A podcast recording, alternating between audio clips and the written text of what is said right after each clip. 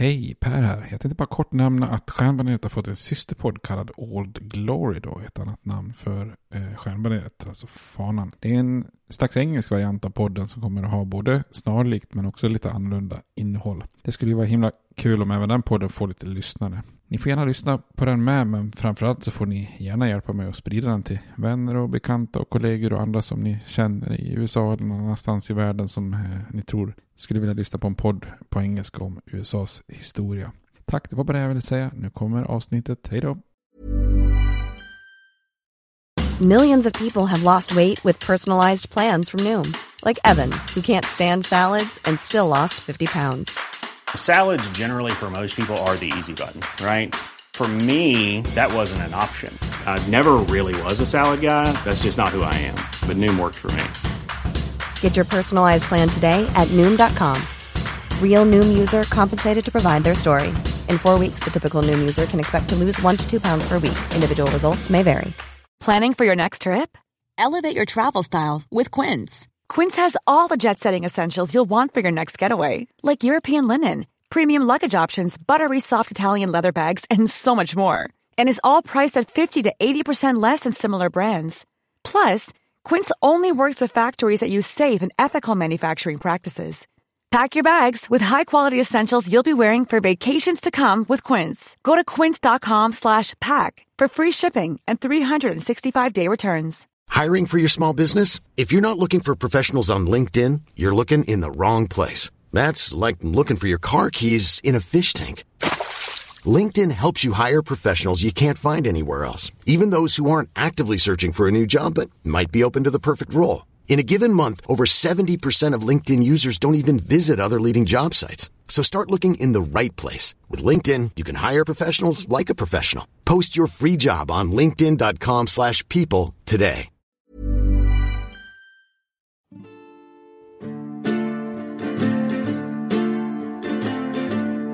We hold these truths to be self-evident, that all men are created equal, that they are endowed by their Creator with certain unalienable rights, that among these are life, liberty, and the pursuit of happiness.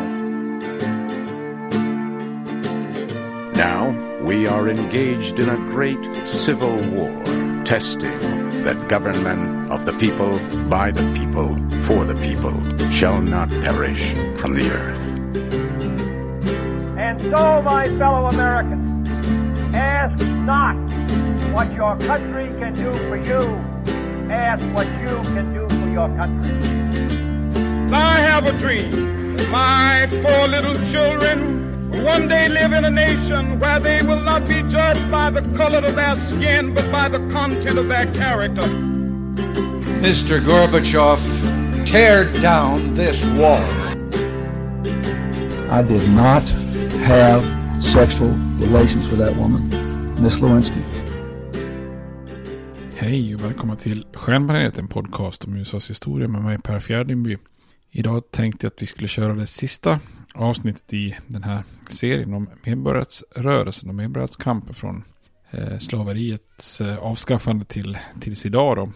Och vi har kommit långt i den här serien här. Vi, vi har sett liksom de här olika uppsvingen och nedgångarna i eh, rättigheter för afroamerikaner. Eh, förra gången pratade vi om 90-talet och nu är vi ju liksom på den andra ska man säga, ned, nedgångsperioden här. Man kan se det lite grann som egentligen tre perioder. Liksom. Dels har vi ju själva liksom slaveriets avskaffande först. Den första rekonstruktionen när afroamerikaner var delaktiga i politiken under några få år och så vidare.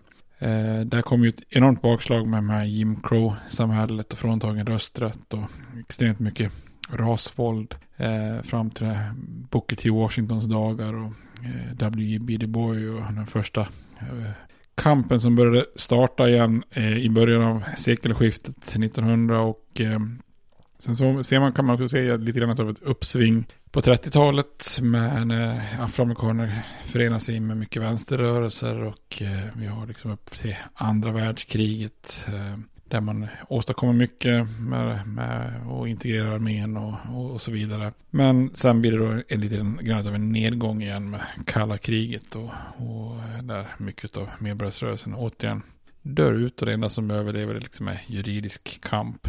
Och sen så ser man ju då ett, eh, kanske det största uppsvinget som man kanske förknippar med medborgarrättsrörelsen då det som egentligen beroende på eh, hur man räknar. Mm, man kan sätta starten till Montgomery bussbojkott eller också kör man det eh, från de här sit-ins-rörelserna på som startade 1960 och hela höjdpunktsåren där med, med, med, med marscher mot Washington och Voting Rights Act och eh, riktiga medborgarlagstiftningen som avskaffar Jim Crow-samhället i, i södern då så att säga.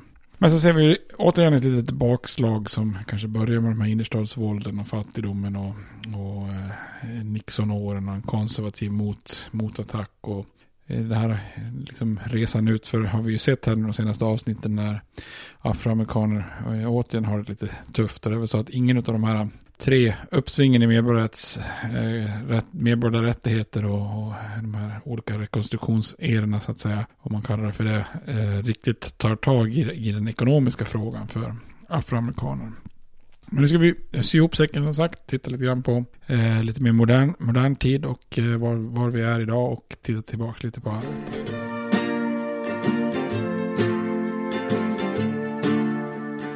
Tittar vi på sekelskiftet eh, här runt år 2000 då så vet vi det här kaotiska valet när George W. Bush vinner väl går och kan flytta in i, i Vita huset och eh, Bush var ju såklart eh, medveten om att han hade fått ganska få afroamerikanska väljare som, som hade röstat på honom då. Eh, och trots det eller ändå, eller hur man nu ser på det, så, så utsåg han ju två afroamerikaner till viktiga poster. Och vissa menar att det kanske handlar om att försök att tysta kritiken från afroamerikaner och blidka mer liberala väljare. Eh, Medan andra såg det mer som att man försökte, försökte vinna liksom, tungan på vågen för en slags omvalskampanj. Då. Men den ena var ju då Colin Powell, då, den här före detta militären som hade haft en väldigt viktig roll under Kuwaitkriget och som, som blev utrikesminister. Det var inte så länge sedan han, han gick bort faktiskt, Colin Powell. Och den andra var ju Condoleezza Rice som först blir sån här National Security Advisor. Eh, både den den första svarta i den rollen och den första kvinnan i den rollen. Och sen inträffar ju de här terrorattackerna såklart i september och det gör ju också att båda de här två rollerna hamnar väldigt mycket i rampljuset när de ska hjälpa Bush att navigera utrikes och säkerhetspolitiken och det här kriget mot eh, terrorismen då så att säga. När Powell sen avgår som utrikesminister så tar ju dessutom då Condoleezza Rice över som, som utrikesminister och så båda är det de här krigen som startas under Bush era, alltså kriget i Irak och Afghanistan, det blev ju ytterligare två krig i, ledet där afroamerikaner eh, strider och där många afroamerikanska ledare kritiserar kriget då. Och det här är ju någonting som egentligen går igen då genom eh, historien då att afroamerikanska ledare kritiserar krigen då. Fredrik Douglass, den gamla mm, slaven, förrymda slaven, han, en av de första afroamerikanska ledarna, han kritiserade ju då kriget mot Mexiko. Eh, vi vet ju till exempel den här A. Philip Randolph som en av de kanske viktigaste medborgarrättsledarna på, på 20, 30, 40-talet. Han kritiserade ju båda världskrigen egentligen. Och Martin Luther King hade ju väldigt mycket kritik mot Vietnamkriget. Och, så att det här är ju lite, lite av en, en, en tradition så att säga. Och en undersökning 2003 visar att bara 29% av afroamerikanerna stödde beslutet att invadera Irak medan motsvarande, motsvarande siffra för vita amerikaner var 78%. Så det är en viss eh, skillnad i hur man ser på kriget. Då. 2005 så inträffade också en händelse som, som gav George W. Bush enormt med kritik utifrån just eh, rasfrågan. Och det är ju då i augusti när, när orkanen Katarina drar in och eh, försatte då eh, 80% av staden New Orleans under vatten då. Och det är ju nästan 100 000 människor som blev strandade utan mat och skydd och eh, och väldigt, väldigt stor andel av de här som eh, råkar illa till är ju afroamerikaner då. Man ser de här tv-bilderna, man såg desperata människor som vinkar och ber om hjälp från eh, hustaken då. Katastrofen förvärrades ju också ganska mycket av myndigheternas relativt långsamma agerande om att komma till undsättning. Och, eh, det var lite grann som att myndigheterna på många sätt var lite likgiltiga och inte brydde sig om offren. Då. Det är ju väldigt få insatser och få förnödenheter och medicin som, som kommer fram till de här människorna som, som, har, som behöver evakueras. Då. Och den här stormen blev ju ett plågsamt bevis på, på de här fattiga afroamerikaners hjälplöshet och eh, tydliggör ju den här stora ekonomiska klyftan i, i USA. Då. Eh, och många menar ju att det här är ju bara ytterligare en i raden av väldigt många olika incidenter som visar att medborgarrättsrörelsen aldrig lyckades lösa den här grundlä grundläggande ekonomiska segregeringen i, i USA. Då. Och trots att det här med medias roll egentligen, eh, alltså medias roll är att befästa rasrelationerna och ras, eh, eh, fördomar kring rassegregering och så vidare. Det, det var ju något som togs upp redan under andra världskriget, eller runt andra världskriget. Vi har pratat om de här eh, rapporterna to Securities Rights och de här olika även Gunnar Myrdals rapporter, American Dilemma och så vidare.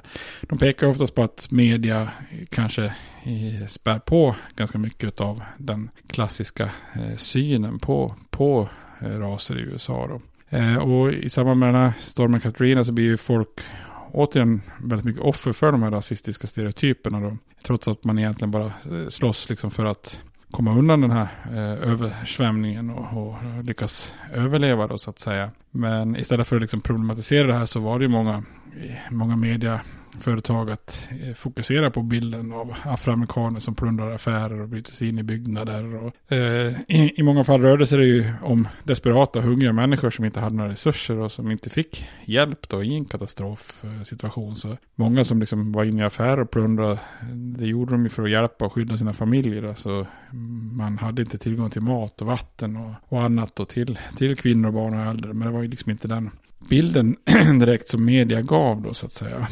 Och det började spridas rykten om att det förekom våldtäkter och mord och Eh, vilket enligt många vita amerikaner var en ganska trovärdig bild av fattiga afroamerikanska män. Då. Det här går ju som en rak, rak linje tillbaka till just allt det här med kring eh, lynchning och, och våldtäkter och eh, den här otroliga rädslan för att svarta män förgriper sig på vita kvinnor. Och, och när vissa grupper tar sig, tar sig över vägar och broar bort från katastrofområdet så så stoppas de av beväpnade poliser och vita medborgargarden och så vidare. Så folk i omgivande områden beväpnar sig helt enkelt för att hindra svarta från att ta sig ur staden till deras område. Och det kunde liksom inte vara mindre av en kraftig metafor så att säga vad som har hänt med afroamerikanska, eller med amerikanska städer och att afroamerikanerna har liksom fastnat i, i, i städernas eh, nedgångna centrum då medan de vita lämnat städerna och liksom byggt förorter och då, nästan i princip barriärer för att hålla kvar svarta inne i, i centrum då. Och det här blottas ju väldigt mycket av den här stormen eh, och, och därmed liksom eh, de klassiska rassegregeringsaspekten av, av USA. Då. Två dagar efter stormen så kom ju också president Bush för att betrakta förödelsen. Men han gjorde det ju egentligen bara uppifrån från Air Force One. Han sätter inte ens sin fot i staden. Och det här gjorde ju bland annat eh, att artisten Kanye West gjorde ett känt uttalande i tv då där han egentligen sa, sa vad många afroamerikaner kände, kände då. Han säger ju att George Bush, han bryr sig inte om svarta. Och det, det var lite grann så som många afroamerikaner eh, tänkte kring eh, Bush och, och, den här eh, stormen då. Eller orkanen.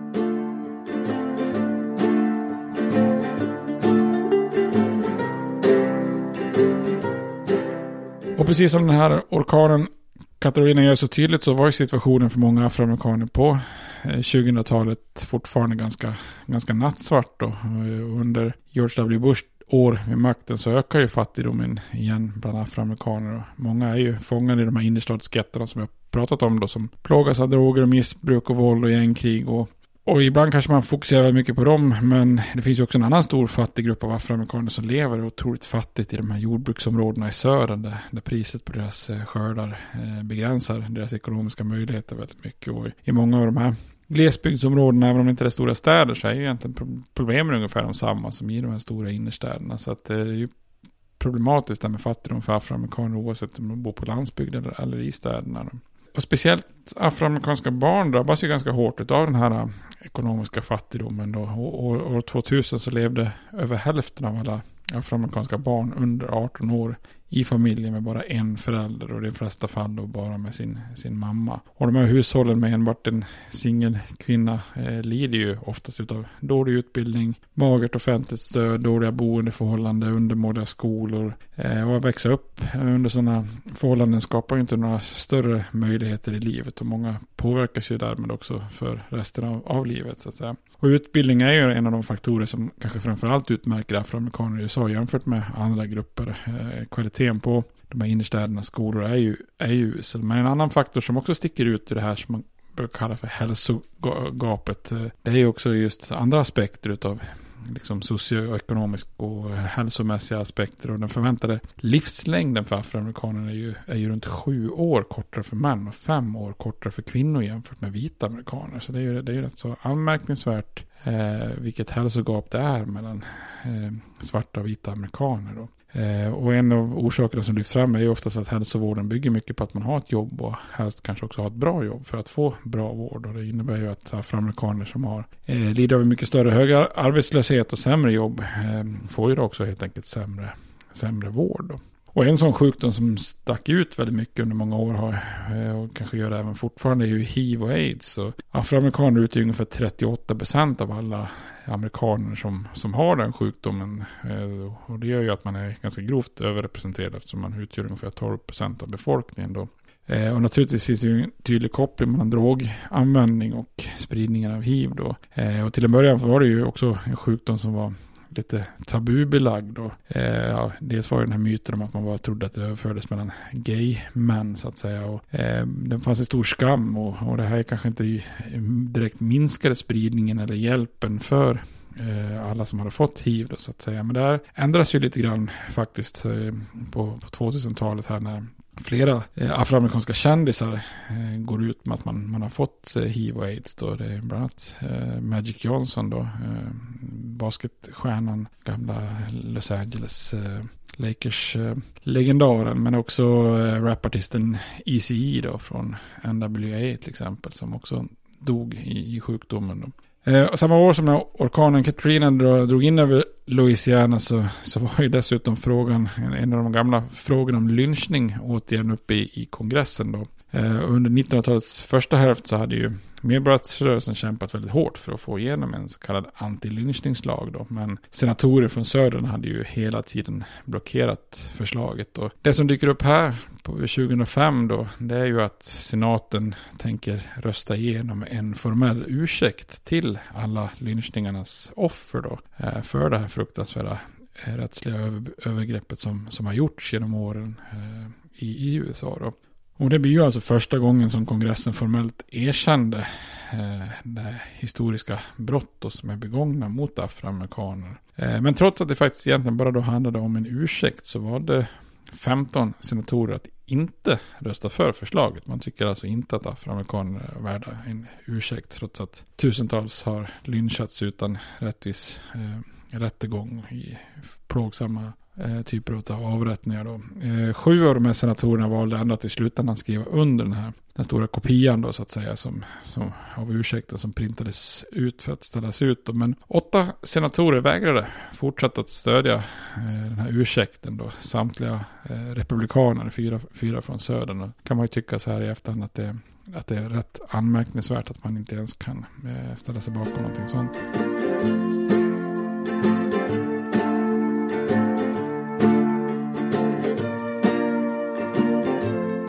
2008 så kommer det ju till slut en eh, arvtagare till Jesse Jackson. Eh, ni minns eh, Jackson som försökte bli Demokraternas kandidat och ställa upp i presidentvalen valen tidigare. De, Men nu kommer ju då Barack Obama och, och tillkännager sin kandidatur och till en början så var det ju inte många som tror att han kan bli vald. Liksom inte för att han var en dålig eller olämplig kandidat utan för att väldigt få vita eh, amerikaner hade ju en tradition av att rösta på afroamerikanska kandidater, i, presidentkandidater. Och många var övertygade om att landet inte var moget för en afroamerikansk eh, president. Då. Eh, att Obama var afroamerikan glömdes ju inte bort under kampanjen utan ras var ju konstant en, en faktor då. Väldigt många vita i olika undersökningar hymlade ju inte med utan var ju helt öppet med att de aldrig någonsin kan tänka sig att rösta på, på en svart man. Och det, då är det ju tufft också i en kandidatur för att rent matematiskt blir det ju ett, blev det ett bekymmer för Obama. Eh, även om man, skulle stö, få stöd för, av varenda afroamerikan i hela USA så är de ju fortfarande bara 12 procent av landets befolkning. Eh, och därmed skulle han inte ha en chans att vinna. Så han behövde ju på något vis bygga en bredare koalition då. Eh, och kampanjen bygger ju på att många, man måste helt enkelt övertala många vita amerikaner att, att rösta på, på en afroamerikansk man. Då. Men Obama lyckas ju här resa sig lite grann över rasbarriärerna och eh, han chockar ju landet med, med att eh, han var ju inte direkt favorit men han vinner ju det här primärvalet i Iowa, det första primärvalet, eller primärvalet, primär, det är ju en sån caucus så det är ju eh, en variant av primärval men och han lyckas locka en bred koalition och väldigt många kändisar som stödjer honom så Eh, till slut så börjar ju allt fler amerikaner dela hans eh, vision och gemensamma värderingar. Och, eh, han åberopade ju medborgarrättsrörelsens ideal och han pratade om att minska klyftorna och, och så vidare. Och hans väg till Vita huset sen var ju inte självklar. Han hade ju vissa bakslag och eh, ett av de tydligaste kopplat till just frågan om ras, det var ju när de här inspelningarna läckte med Obamas gamla pastor i, från Chicago då, Jeremiah Wright. Eh, som då var en församling som Obama hade tillhört. Och den här Wright, Jeremiah Wright, han var ju väldigt, eh, vad ska man säga, väldigt militant i, och plump i ordalagen när han dömer ut USA på många sätt då, eh, som ett rasistiskt land och eh, konfronterar ju på något vis USAs behandling av, av, av afroamerikaner genom tiderna då. Eh, så han använder ju ganska hårda ordalag och han menar att samhället i princip förser afroamerikaner med droger och sen bygger fängelser och inför sådana här tredje gilt, gånger gilt lag och, och så vidare för att hålla afroamerikaner tillbaka så att säga, skapa en permanent fattigdom då. Och flera av de här citaten från, från Wright var ju riktigt eh, snaskiga för Obamas motståndare att eh, citera då så att säga. Han menar ju på att USA mördar oskyldiga trots att Bibeln säger att man inte ska mörda han. Istället för att säga USA så säger han USKKKA och eh, istället för att säga God bless America så säger han God damn America och så vidare. Och det här retar ju gallfebern på, på väldigt, väldigt många då så att säga. Eh, så även om det så vissa, vissa av de här eh, citaten kanske är exakt vad vissa afroamerikaner tänker så, så är det ju liksom eh, vad var de inte sena att använda det här som motståndare mot Obama i, i valet då så att säga. Men, men Obama var ju ganska smart också. Han lyckades vända på mycket av den här kritiken och vädjade på något vis till till USA och se bakom retoriken och ilskan som, som Wright och många afroamerikaner hade då. Och inte blunda liksom för landets historia, i princip det som vi har pratat om i den här i den här fördjupningsserien. Han menar att man måste förstå hur fattiga afroamerikaner upplever sin, sin situation. Eh, och att annars skulle det bara vidga på något vis klyftan av missförstånd så att säga. Redan när det stod klart att han blev Demokraternas presidentkandidat hade ju Obama skrivit historia som den första afroamerikanen som, som lyckas bli liksom, eh, nominerad som presidentkandidat för någon av de etablerade partierna. Men han lyckas ju sen då vinna själva presidentvalet och bli den första afroamerikanska presidenten eh, någonsin då. Eh, och då ska man ju betänka det här som jag pratat om, hur, hur extremt få afroamerikaner som har nått höga poster. Alltså det är ju inte, det är ju inte jättemånga som har varit till exempel senatorer som, som Obama var då, var då innan, eh, innan han valdes så att säga. Så det här blir ju en enorm glädje för många afroamerikaner som, ja, många som aldrig någonsin trott att de ens skulle kunna få uppleva den här installationen av en eh, afroamerikansk president under sitt, sin livstid. Och det kan man ju kanske relatera till om man har lyssnat på hela den här serien, att det, det kom lite oväntat på många sätt då. Med valet av Obama så hoppades ju många på en ny era. Eh, men både Obama och många andra fick ju inse att USA kanske inte hade förändrats i grunden då. Eh, har man präglats av rasism sedan 1619 så är det klart att valet av en afroamerikansk president kanske inte vänder allting på, på ände direkt. Utan det blev nästan tvärtom då att eh, ha en, en afroamerikansk president var ju någonting som rörde upp väldigt mycket utav den rasism som kanske ibland hade tryckts ner eller sopats under mattan. Och eh, det som man kanske trodde eh, att man hade övervunnit sen eh, av den här hetska rasismen som har funnits liksom i, i, i södern under under segregeringens tid. Den blommade liksom upp till ytan med Obama i Vita huset. Eh, så angreppen på, på Obama var ju på många sätt mer, mer smutsiga och hetska än vad någonsin en president fått, fått utstå för. Då. Han anklagas ju ofta för att vara muslim då, eftersom han heter Hussein i mellannamn. Och det kom ju hela den här konspirationsrörelsen, den här birth movement. Och man tvivlar på att han ens var född i USA. och att han däremot kanske inte var en legitim president. Så att det här tvingar ju Obama att göra någonting som ingen annan president någonsin har behövt gjort tidigare genom att till och med behöva visa upp sitt födelsecertifikat. Då. Eh, vilket i sig är intressant för han föds ju på Hawaii och det är ju inte så jättelångt efter att Hawaii blivit en delstat. Så att hade inte Hawaii blivit delstat så hade han inte kunnat bli president. Men det är kanske inte hur saken till. Han var ju legitimt född där så att säga. Och olika händelser, ni kanske minns när någon, en motståndare i kongressen ropar lögnare mitt under ett tal och så vidare. Så, sådana saker som aldrig har hänt någon annan president hände ju eh, Obama då. Eh, så det är mycket motreaktioner som, som visar att den här rasklyftan fanns kvar i USA då.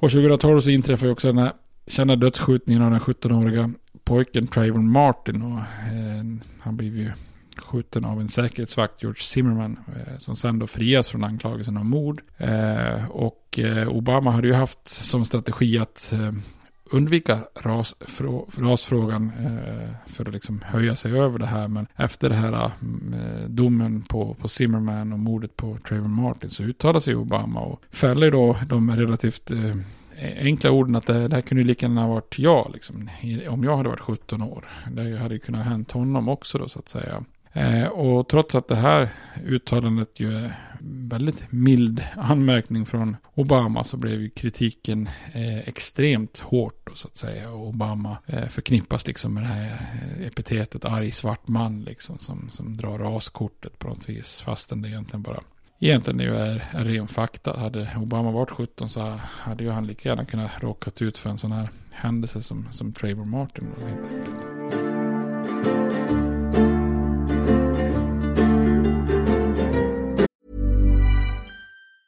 When you're ready to pop the question, the last thing you want to do is second guess the ring. At BlueNile.com you can design a one-of-a-kind ring with the ease and convenience of shopping online. Choose your diamond and setting. When you find the one, you'll get it delivered right to your door. Go to Bluenile.com and use promo code LISTEN to get $50 off your purchase of $500 or more. That's code LISTEN at Bluenile.com for $50 off your purchase.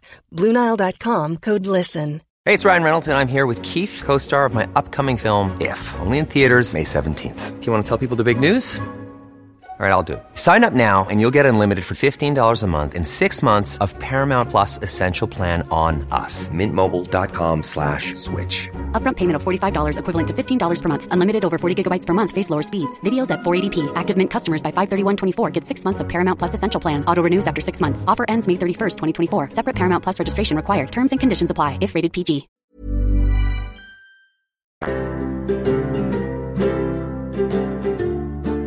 Så för många afroamerikaner så var ju eh, även den här andra rekonstruktionen ett, ett misslyckande där rasismen lever kvar och frodas än idag. Då. Skolväsendet var ju ett bevis på hur idealen från medborgarrättsrörelsen kanske inte riktigt hade uppnåtts då. Eh, idag är ju väldigt många afroamerikanska barn lika socioekonomiskt isolerade som de var på 60-talet och mer än en tredjedel av alla svarta elever går i en skola med mindre än 10% vita elever då. Eh, och de allra flesta har ju föräldrar som är fattiga då. Ett annat område som påverkas är ju rösträtten då. 2010 så har ju ett antal eller sen 2010 så har ju ett antal eh, delstater antagit olika typer av ID-lagstiftningar för väljare och, och, och, andra åtgärder som, som på, i mångt och mycket hindrar afroamerikanska väljare från att rösta. Då. Eh, till exempel väldigt många äldre afroamerikaner som inte har något körkort eller inte har råd att, att skaffa ID-kort. Eh, man gör helt enkelt så att rösträtten börjar kosta pengar och, och görs till en ganska byråkratisk eh, process, vilket ju då eh, ofta hindrar många afroamerikaner som inte har råd eller som kanske jobbar med två, tre jobb som är, och inte har möjlighet till att eh, jobba sig igenom den här byråkratiska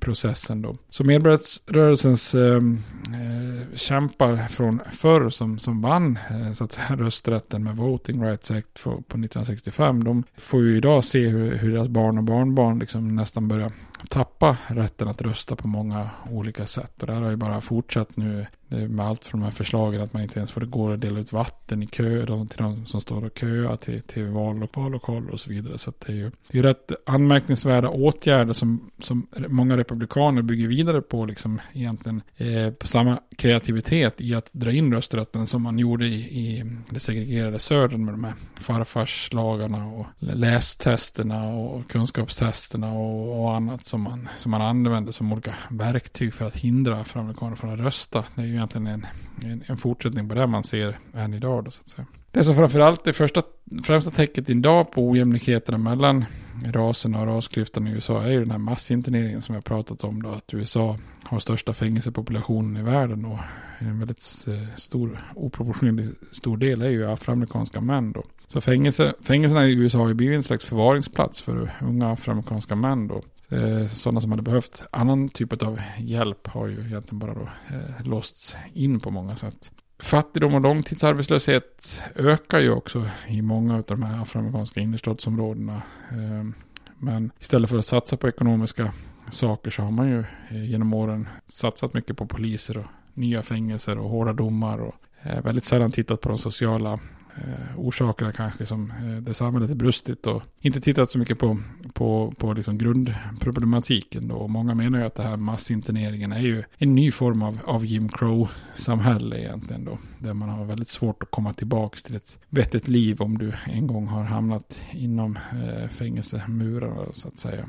Och en del av just det här med eh, fängelsepopulation population och, och det har ju, som har kopplat till det har ju varit polisväsendet. Och många som höjer röster på att polisväsendet måste reformeras. Och man har rasprofilering och övervåld som bygger på mycket rasstereotyper och rasistiska värderingar som styr poliskårer då. Och det blir ju liksom en tråkigt kapitel bland många afroamerikanska föräldrar eller familjer där föräldrarna måste tidigt ha det så kallade snacket med sina unga barn när de får lära sig hur de ska agera när polisen stannar dem. För man vet att de kommer att bli stannade av, av polisen förr eller senare. Och då är det ju jäkligt viktigt att man inte gör några hastiga rörelser, inte stoppar händerna i fickorna, inte säger emot eller inte tar på någonting för då kan fingeravtrycken börja tas och så vidare. Så att eh, det är en vardag för många afroamerikaner. Att man kan helt enkelt bli stoppad av polisen. Det kan hända när som helst, hur som helst. Eh, att bara vara afroamerikan på gatan i, i de här områdena eh, gör dig automatiskt nästan till någon form av misstänkt för, hos eh, polisen i många fall. Då. Det här med rasprofilering eh, och att det är ett problem som om och om igen leder till lite tragiska incidenter och meningslösa dödsfall. Det är ju någonting som, som USA har fått leva med. Och, eh, och tidigare så var det ju otroligt många av de här dödsfallen som aldrig någonsin fick någon uppmärksamhet. Och det var ju kanske Rodney King-fallet som vi pratade om. Det var ju lite undantaget. För det fångades ju på film. Men det var ju på den här tiden när man hade sådana här stora feta videokameror med, med ett helt VHS-band intryckt. Eh, liksom i filmkameran. Så du får ha den på axeln. Liksom vägde flera kilo. Det här kan ju, om ni är yngre lyssnare, kan ju söka på filmkameror för privatpersoner på typ 80-90-talet. Så kommer ni att hitta sådana apparater. Men idag så är det ju så att eh, alla har en mobiltelefon. Eh, alla kan filma lite hastigt och lustigt. Och det gör ju att allt fler sådana här fall av meningslöst våld och, och, och polisingripanden som, som inte fungerar har ju fångats på film då. Eh, och en viktig förändring kom ju där den 9 augusti 2014 när en polis sköt ihjäl den 18-årige eh, Michael Brown under ett bråk i, i Ferguson i, i Missouri då.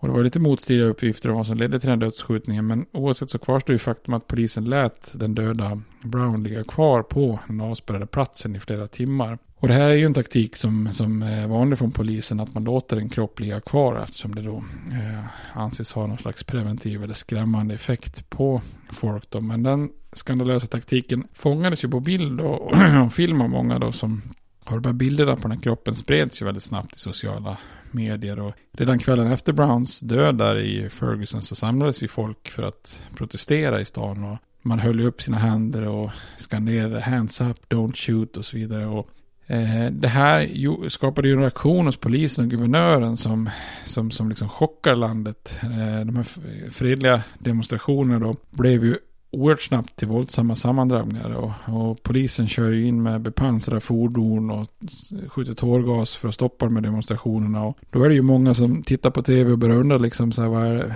det är helt sjukt egentligen att polisen i USA ser ut att vara liksom militärt utrustade med pansarfordon och något som nästan ser ut som pansarvagnar liksom och skjuter på den egna befolkningen. Och Guvernören i Missouri kallade dessutom in nationalgardet till och med för att skingra de här demonstrationerna. Och, och eh, det här blev ju liksom konstigt för de här bilderna från Ferguson såg ju nästan mer ut som ett krigshärjat Irak än en, en, en förort i, i Missouri. Och då blir det här för många afroamerikaner lite grann en, en, en, en blir en droppe då. Eh, trots att det liksom är polisen som har dödat Brown så, eh, så attackeras helt enkelt de fredliga demonstranterna med, med tårgas och pansarfordon. Och det är ju här någonstans som eh, proteströrelsen skapas som får eh, det här namnet och Black Lives Matter. Eh, namnet härstammas ju från en slogan och en hashtag som tre kvinnor tog fram efter, efter, redan efter den här dödsskjutningen av Trevor Martin som jag pratade om tidigare då så att säga. Men Eh, det här namnet Black Lives Matter får ett viktigt symbolvärde då att även svarta liv har ett värde. Eh, något man då alltså tyvärr måste påpeka i USA då. Eh, och det i sig, som med allting annat i amerikansk historia, är egentligen inget nytt och innovativt. För tittar man tillbaks på åren så Redan Ella Baker eh, hade ju nämnt det här 1964. Så det är, ju, det är ju inte innovativt på det viset så att säga. Ella Baker var ju hon som var väldigt central i uppstartandet av den här medborgarrättsrörelsen som kallas för SNIC. Då. Och de här protesterna spreds ju över landet eh, och det sker ju ytterligare fall av skrämmande polisbrutalitet. Så det ger ju nytt bränsle till eh, de här protesterna. Och skillnaden mot nu då jämfört med tidigare är just det här med att mobilkameror hela tiden kan bevittna polisbrutalitet. Och så kort efter det här fallet med Michael Brown då i Ferguson så sker ju fallet med Eric Gardner i New York där Garner dör i samband med en arrestering då en polisman tar strypgrepp på honom och håller fast honom och liggande på marken så säger han ju elva gånger att han, jag kan inte andas liksom men eh, de håller fast honom ändå. Och den här polisbrutaliteten i USA eh, har inte blivit varken mer eller mindre vanligt. Men, men nu når ju oftast sanningen fram och, och kan rapporteras då eh, när medborgarrättsaktivister använder sociala medier för att dela foton och vittnesmål och annat. Då. Man håller liksom hela tiden uppmärksamheten riktad mot de här orättvisorna då, och hoppas liksom att exponering och, och uppmärksamhet ska leda till förändring då.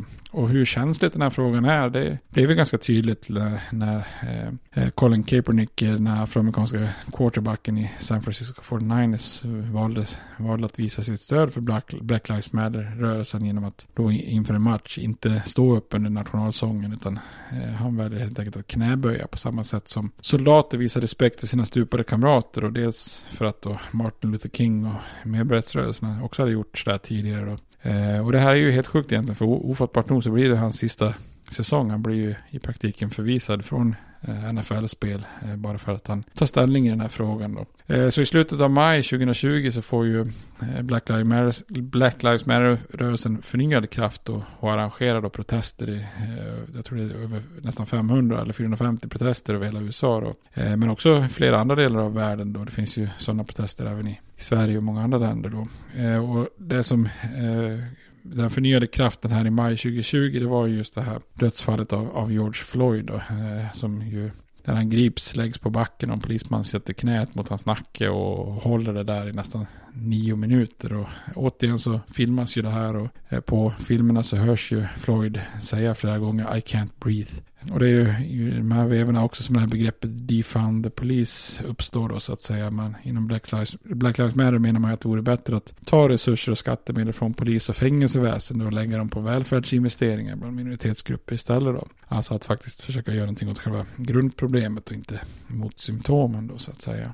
President Donald Trump eh, han gjorde inte saken bättre i vissa händelser heller då så att säga. Han var ju ytterligare en i raden av republikanska presidenter som pratade om law and order. Eh, men eh, Trump gick också lite längre på många sätt genom att flörta med högerextrema och nynazistiska rörelser. Han valde ju väldigt osmakligt att hålla ett kampanjmöte i Tulsa då, platsen för ett av de största rasupproren i början på 1900-talet som jag pratat om tidigare då. Och han hade ju också varit ledande i den här konspirationen om Obamas födelsecertifikat då.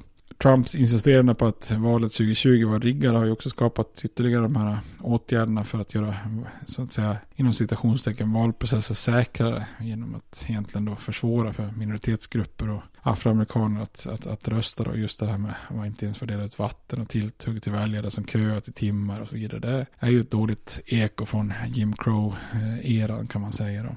Och den här stormningen av kongressen som skedde också har ju inte har ju också väckt egentligen frågor då, inte bara just kring liksom hur demokratin mår och, och just kring valet som sådant, men man menar också på att polisen hade ju haft otroligt mycket resurser på plats och så för att hålla koll på de tidigare Black Lives Matter demonstrationerna i Washington DC. Där hade det ju liksom varit ordning och reda och mycket resurser, men när då framförallt vita amerikaner stormar kongressen då eh, efter, efter Trumps eh, indirekta uppmaning så och kongressen är ju inte vilken plats som helst liksom. Då undrar ju många varför fanns det liksom inte pansarfordon och tårgas och annat för att försvara liksom nationens eh, hjärta liksom demokratins högborg liksom i, i USA. Eh, och man kan ju bara tänka sig om det hade varit Black Lives Matter-protester som hade närmat sig kongressen. Jag menar då det finns ju stor chans att folk hade skjutits på fläcken då. Men det, det gjordes inte när själva stormningen skedde då.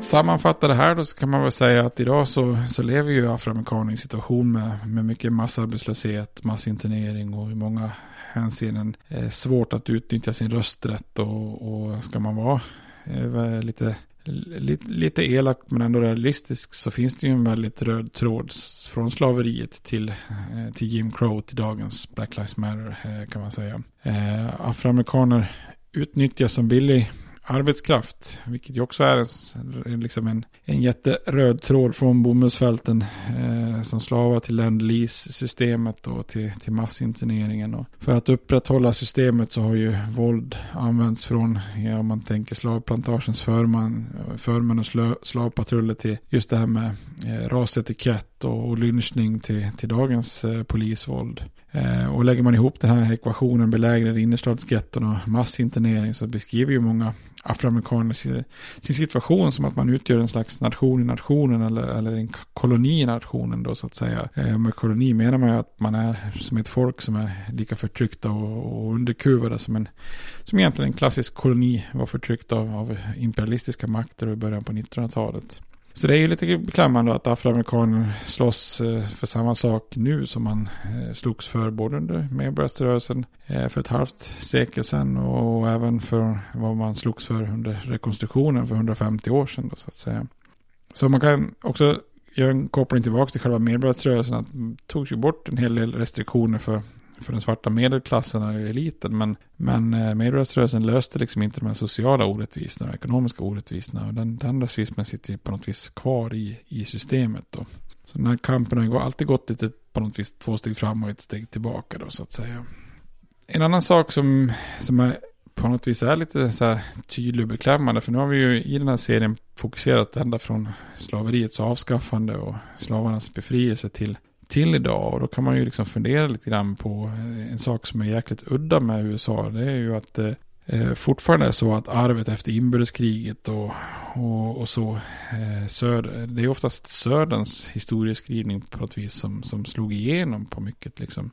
Folket som bodde i det som blev konfederationen, de gick ju på liksom förräderi och förlorade liksom inbördeskriget. Men efter inbördeskriget så är det nästan som att de segrar på nytt igen. Liksom, så att säga. Man, man lyckades återinföra sharecropping, Jim Crow, fråntagen rösträtt. Man lyckas skriva om hela historieskrivningen med inbördeskriget i den här Lost Cause-myten. Och man lyckas nästan på något vis etablera det här synsättet som den vetenskapliga rasismen eh, skapade. Eh, så att man nästan får till det som en nationell eh, beskrivning. Eh, så man tillåts återupprätta liksom nästan samma förtryck efter kriget som innan kriget. Eh, och när man tänker efter så är, är ju det på många sätt väldigt udda och bisarrt. Alltså man brukar säga att vinnaren, eh, vinnaren är den som skriver historien, men i USAs fall så är det ju i viktiga hänseenden nästan tvärtom. Alltså de som förlorade inbördeskriget eh, det är ju de som skriver historierna. 20-30 år efter inbördeskriget så bygger Södern statyer och döper gator och militärbaser efter sina hjältar och inkorporerar rebellflaggor i delstatsvapen och liknande så att säga. Eh, så att det är ju liksom lite, lite udda på något vis. Att södern förlorar inbördeskriget men på något vis vinner i det långa loppet i alla fall där under stor del av 1800-talet och början av 1900-talet. Eh, och det är ju Jefferson Davis då, den forna konfererade presidenten. Han sa ju en gång till en journalist 1873 att södern hade blivit, som han sa då, cheated not conquered. Eh, och så vidare. Så medan konfererade befäl och soldater la ner sina vapen och följde kapitulationsvillkoren så, så var det ju lite anmärkningsvärt att ingen politiker ställdes inför rätta. Och många gjorde ju, eh, gav sig in i politiken igen då och återvände till, till Washington. Så ur det här perspektivet så var ju 1877 ett avgörande år då. Det året som nordstaterna gav upp södern och drog tillbaka trupp, trupperna liksom och lät rasismen få fritt spelrum igen då så att säga.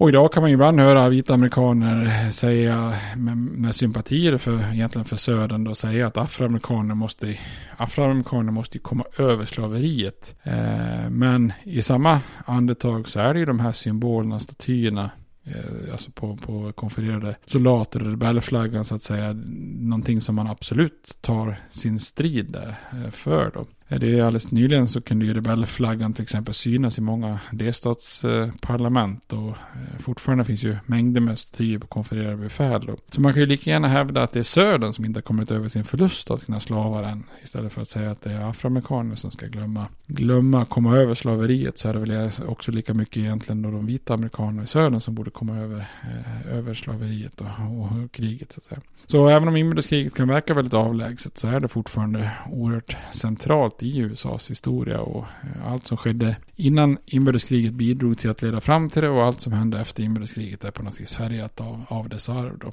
Och det är lätt att tycka att det här kanske är simpla symbolfrågor men det är också anmärkningsvärt att 12% av befolkningen ska behöva på något vis se symboler från Söderns hjältar som stred för att ha dem kvar i bojor. Liksom. Var, varför ska det finnas fler statyer och museum och uppkallade byggnader och gator och sånt där efter landsförrädare och, och rebeller från konfederationen än vad det finns till exempel minnesmärken och museum av av exempelvis medborgarrättsrörelsens hjältar som stred för minskad diskriminering och, och demokratiska ideal då, så att säga. Där kan man ju fundera varför inte det varför finns det inte så massa statyer på Martin Luther King eller Philip Randolph? Den typen av personer då så att säga.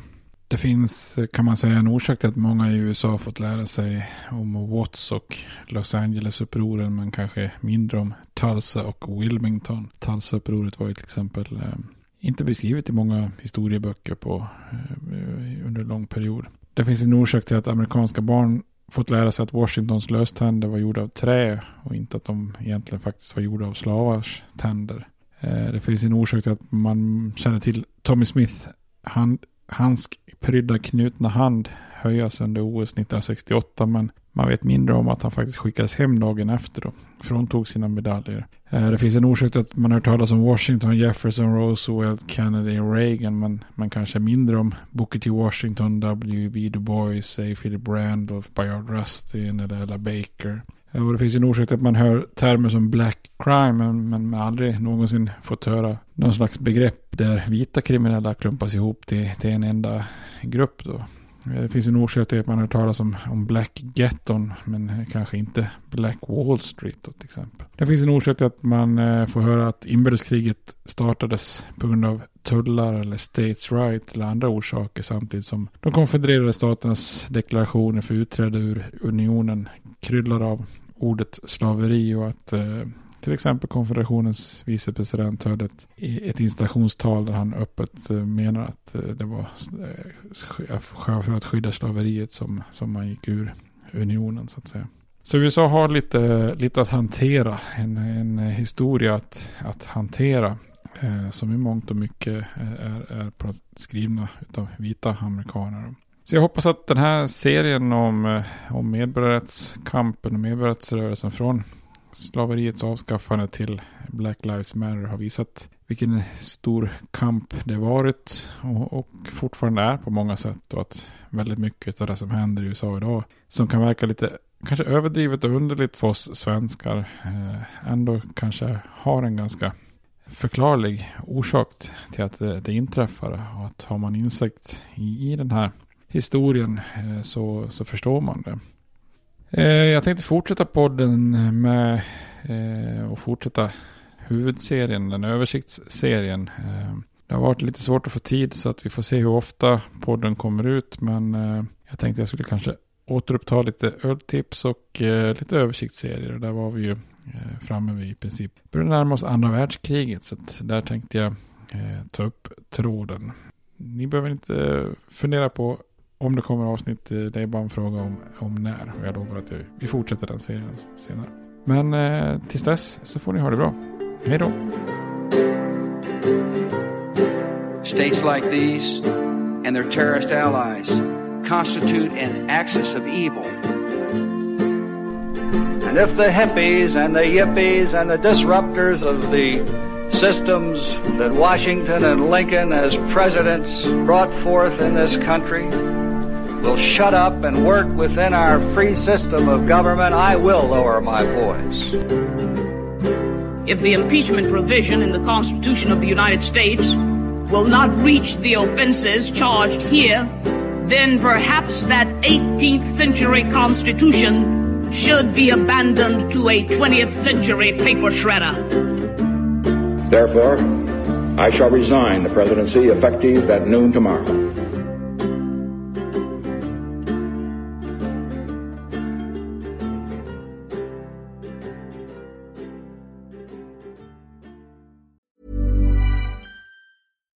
When we're on a budget, we still deserve nice things. Quince is a place to scoop up stunning high-end goods for 50 to 80% less than similar brands. They have buttery soft cashmere sweaters starting at $50, luxurious Italian leather bags, and so much more. Plus, Quince only works with factories that use safe, ethical, and responsible manufacturing. Get the high-end goods you'll love without the high price tag with Quince. Go to quince.com slash style for free shipping and 365-day returns.